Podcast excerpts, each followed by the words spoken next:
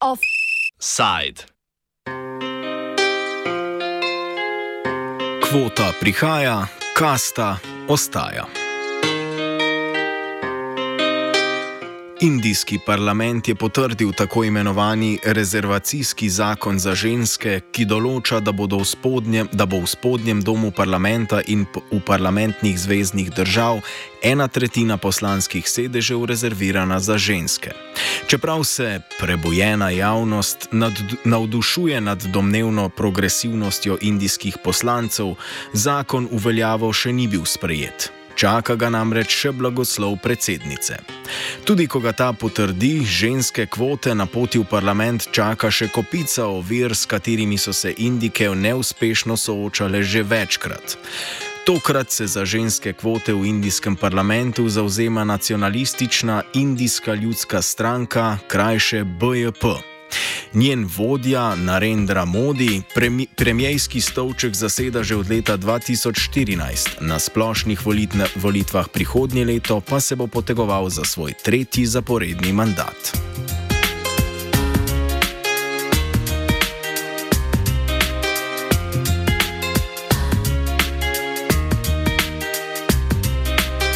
Ženske trenutno zasedajo 13 odstotkov poslanskih mest, čeprav ima prizadevanje za vključitev žensk v indijsko parlamentarno politiko 27-letno zgodovino. O tem smo govorili s Hari Krišnenom Sasikumarjem, profesorjem na Dublinski univerzi za pravo in politiko. So I think the first thing to remember is that this bill, although it's been passed now, it has been in the making for many, many years, and at least for 27 years, if not more. Um, the earliest sort of reference to increasing women's representation was in this report that came out in the 1970s in India, which at the time um, observed that you know there weren't enough women participating in politics, and there was, you know, it studied what needed to be done. Um, interestingly, at the time, it said that there were some recommendations from people about passing a bill that gives them, rep- like, you know, um, a specific quota. But then it said that almost all the political parties at the time opposed it because they didn't believe, you know, they thought that it wasn't fair and there had to be equality, so to speak. Um, so, so, so at least as early as the 1970s, you start seeing this conversation or this recognition that um, there's not enough women in the parliament in India. Um, and then in the 1980s, sort of, there was there was uh, the then um, Prime Minister Rajiv Gandhi had introduced, um, you know, had, had, formed a committee to to reassess the possibilities for this, and consequently, in 92, India actually passed a bill to um, make quotas available for women in the local level elections. So, you know, there is already one third quota in the local level elections across the country in India today. Um, but for various reasons, the argument that that quota should also apply to the parliament, uh, both at the central level and in the states, uh, was opposed consequently. So the first time that the introduction of that to the parliament happened was, you know, at least in the 19, 1996, if not, uh, yeah, 96, if I remember. But there was constant opposition from some political parties, and there was disagreement about the idea of whether or not this quota for women should include reservations for you know, backward communities, uh, the tribes and the castes that are scheduled in the Indian constitution. So, so this debate has been going on for really long. And the last government before the, the current BJP um, came into power, the UPA, of which the Indian National Congress uh, was a leader, also tabled this in 2010, and they actually passed it in the upper house of the parliament, but they didn't have enough numbers to pass it in the lower house, so then the bill eventually lapsed because they couldn't introduce it to the lower house before um, their term came to an end. So it has been something that is in the making for a really long time. So I think I don't think the present um, BJP government gets like you know full credit for introducing something that didn't exist in the past. Kvotno deljenje političnih pravic je v Indiji stalnica. Kaj sploh je tako imenovani rezervacijski sistem, smo povprašali Nisama Manat Kuharena, profesorja za mednarodni nadzor z Univerze Dalhousie. What we have in India is a, a, a reservation, or what is known as uh, affirmation, affirmative action in the United States, in Canada, and so on. That is reserving a particular a number of seats uh, for the historically disadvantaged groups like uh, oppressed castes and gender, as you know, which is now the subject of uh, the conversation. So we already have reservation in the parliament and state legislatures for what is known as the Dalits, uh, that is a formerly untouchable caste. So they have reservation, and uh, also we have reservation for the tribals or the indigenous people. So these are the two groups who enjoy political uh, representation in the parliament and the state assemblies, uh, you know, from the beginning.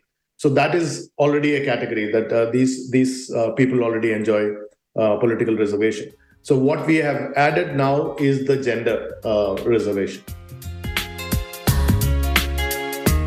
Kakšne so motivacije glavne koalicijske stranke BJP pri vnovičnem predlogu zakona, nam razloži Hari, Kriš, Hari Krišnen. What the opposition parties at the moment are questioning a bit more is sort of the intention behind bringing it at the moment, because India, like you know, you might know that India is going into elections next year. So the opposition parties are seeing this as a tactic that the government is using to get some mileage, especially among the women voters, because if you go into the details of the bill, there are some provisions there that aren't very clearly clarified by the government, which makes it suspicious um, about the timing of the implementation of it. Why now? Like, you know, if, if the BJP did have the intention to to uh, to introduce this bill, it is one bill which all political parties or most political parties have backed to some extent. So then, you know, the opposition is then asking the question, why didn't you introduce this in the last nine years and why are you doing it six months before the general elections, if not to use that as political mileage? So these are the three big sort of questions that um, that have emerged, especially because the, the, the time this was passed um, last week was when the government called a special session of the parliament. So the session wasn't in sitting, and the government called a special session in the new newly introduced parliament. And people are asking, well, if this is going to take, you know, at least another ten years for it to be implemented, then what was the hurry to call a special session just to pass this one bill, if not to just create a lot of, um, you know, awe, the awe factor, so to speak. Da je predlog rezervacijskega zakona za ženske za BJP le novačenje voljivk in ne močna stanca stranke same, potrdi Manat Kuharen, ki predstavi dosedanji odnos BJP do ženskih kvot. have had major differences uh, with uh, uh, the women's reservation bill, and actually, in the earlier versions, when they were not in power, they had opposed uh, um, many parts of the bill, and uh, because of those differences, this could not have uh, been passed at that time. So, obviously, uh, with the changing circumstances and politics and so on, um, and also the rising women's uh, movement everywhere in the world and in India, and also, it becomes more difficult to say uh, or, or, to say no or to have the same kind of position as before. So obviously, politics changes and evolves, and this is a part of that evolution in which uh, uh, women is emerging as a major force in politics across the world uh, and also in India. In India, the process, even though, as I said, it was uh, you know was there in the lower lower levels of uh, democratic processes. they still could not manage to be implemented at the highest level. So, yes, so they were not necessarily in agreement with the earlier attempts to bring women's reservation bill before, but now they have changed their standpoint. Hari Krišnen opiše stališča in vlogo BJP, desne nacionalistične stranke, ki v parlamentu zaseda večino in katere konzervativna politika doslej ni bila v skladu z navidezno progresivnostjo zakona o ženskih kvotah. Believes in the ideology of Hindu nationalism. It is a right wing political party that functions in India. Um, why it gains popularity is partly to do with the demographics. I guess you know there is an 80% Hindu population, which which constitutes a major chunk of the vote bank that the BJP can rely on without needing to reach out to other communities. Uh, but also just the way they function. Um, they have a cultural wing called the RSS or the Rashtriya Swayamsevak Sangh, which is um, you know arguably with radical sort of shades. They've, they've, got inspiration from some of the far right political parties that existed in the early 20th century in Europe. Um, they have been accused of being sort of quite radical and, and, and anti minority in their stance. Um, for example, even when the Women's Bill was introduced, one of the arguments made was that the RSS, which is the cultural organization that backs the BJP, still doesn't have women members. It has a separate wing, but it doesn't allow women to be a part of this organization. You know, so people are asking, obviously, you know, this is your idea of women representation. How you um, then telling us that you know there needs to be a different kind of, of, of representation that that strengthens women. Um, but there's other sort of loads of other ways in which the BJP has captured the mandate over the last decade or so. The big role played by the media organizations. They have almost um, you know, the, the, the right-wing media space in India is actually quite big at the moment. A lot of the mainstream media are owned by um, industrialists or conglomerates that are known to be quite close to the BJP. Um, they have, over the last decade or so, passed a number of very controversial bills, including, um, you know, the Citizenship Amendment Act, which sort of was was uh, looking at the refugees who are applying for Indian citizenship and then sort of filtering them out based on religion, something that goes against the fundamental principles of the Constitution, uh, the secular nature of the Constitution in India. V zgornjem domu parlamenta je za potrditev rezervacijskega zakona glasovalo 214 poslancev, le dva sta bila proti. Podprla ga je tudi opozicija, kljub temu, da so imele opozicijske stranke pomisleke o vsebini zakona, ki pa jih na pogajanjih niso uspešno uveljavile. A lot of the bills are passed in the government in the last 10 years has come under quite a lot of criticism. There is argument from the opposition parties that the BJP doesn't take the opposition parties into um, into their confidence. There are very few bills that are actually put to scrutiny or like discussed and debated before they are passed. And that is partly because the BJP at the moment has an absolute majority um, in the lower house, which means they can um, managed to pass these bills without having the opposition support. So, which is why even when this bill was drafted, a lot of the opposition parties didn't actually get to have their say um, before the bill was introduced um, in, in the parliament last week. Uh, which is why the amendments that were proposed, so there were people um, from the opposition parties who proposed amendments to be discussed in the parliament when the bill was being passed last week. There were people from across the political parties, from the Congress, but also from regional political parties, um, from the communist parties, from the socialist, uh, you know, the, the, Communist Party of India.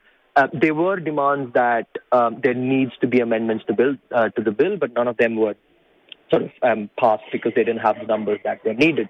Um, so I suppose the the option now, and this is what the Congress Party is saying as well, is that once the general elections finishes next year, um, if they were to come to power, they would have to then use their mandate to to make these amendments that are necessary. Because as we know, um, this is not something that is going to already be implemented before the next general election. So as things stand, the next general elections will not have this quota standing. So the the argument then that the BJP, uh, that the Congress Party is making is that once um, if and when they come into power after next election, they will then use that mandate to, to make the necessary amendments. Ženske kvote torej ne bodo uveljavljene na ali po naslednjih splošnih volitvah, temveč mnogo kasneje. V Indiji so zakoni namreč uveljavljeni preko cenzusa. Many analysts argue that it will not become a reality uh, at least until even as late as 2039. So that's almost 15, 16 years from now. So that is because uh, two things have to happen. That is uh, the next census of India, that is taking the numbers of every Indian and their social, uh, uh social and gender characteristics. And after the census process is completed, then the next delimitation process, that is allocating the number of seats on the basis of population and um, bringing up new areas or uh, bringing up new seats and so on, uh, is a process which will be undertaken by the delimitation process. So the delimitation of constituencies, parliamentary and assembly constituencies, will happen only after the census is undertaken. And the sen- next census, which was supposed to be uh, the last census, happened in 2011, and the next uh, the the the census after that was supposed to be in 2021. It did not happen due to the COVID uh, pandemic. And now we are not sure when the next census is going to happen. And once the census happens, then you have the entire data of the exact uh, numbers of people. On that basis, then the delimitation of constituencies will happen. That is uh, because the population has increased um, since the last uh, delimitation of constituencies has happened. And so once we have the new seats, number of new seats, and so on, only then this process of allocating um, seats for women will happen. And these processes can take a long time. For example, the delimitation of constituencies can take up to, you know, they can take four to five years. And um, then the, if the census happens uh, in 2031, say, for example, uh, and delimitation takes a, another uh, four to five years, many, some, and um, scholars have pointed out that uh, this will not even happen until 2039. So that is one of the problems uh, that uh, that we are facing now. So this is a reality. The bill has become a reality, but it is almost some critics are arguing that it's like passing on this to the next generation. Manat Kuharen pojasni, da ženske kvote parlamentarnega udejstvovanja ne omogočajo vsem ženskam. Ženske kvote namreč ne bodo notranje regulirane, kar pomeni, da bodo imele ženske iz višjih kast veliko prednost na svoji poti v parlament. It is a unanimous uh, uh, bill that was passed. It was passed unanimously, but there were obviously differences about, uh, you know, how the internal categorization of the reservation for women would work. Because many uh, opposition parties were asking to have reservation within this gender reservation for, say, caste uh, deprivation. So, what is known as other backward classes or OBCs are a large chunk of uh, India's population. The the OBCs uh, they constitute around 40 to 50 percent of the Indian population. So they wanted to have an internal mechanism to ensure that they get represented uh, equally or you know somewhat uh, proportionately in within the category of the women's reservation. So that is what one of the demands were, but that is not going to happen at this point in the current version of the bill, which has been passed. And uh, there will be just one third of the parliament and state assembly seats reserved for women without any internal classification. Čeprav so enotretinske ženske kvote v parlamentu časovno oddaljene od lastnega udejanjenja, Manat Kuharen zakon označi za korak v pravo smer in pojasni, kakšen vpliv bo zakon imel v prihodnosti indijske politike.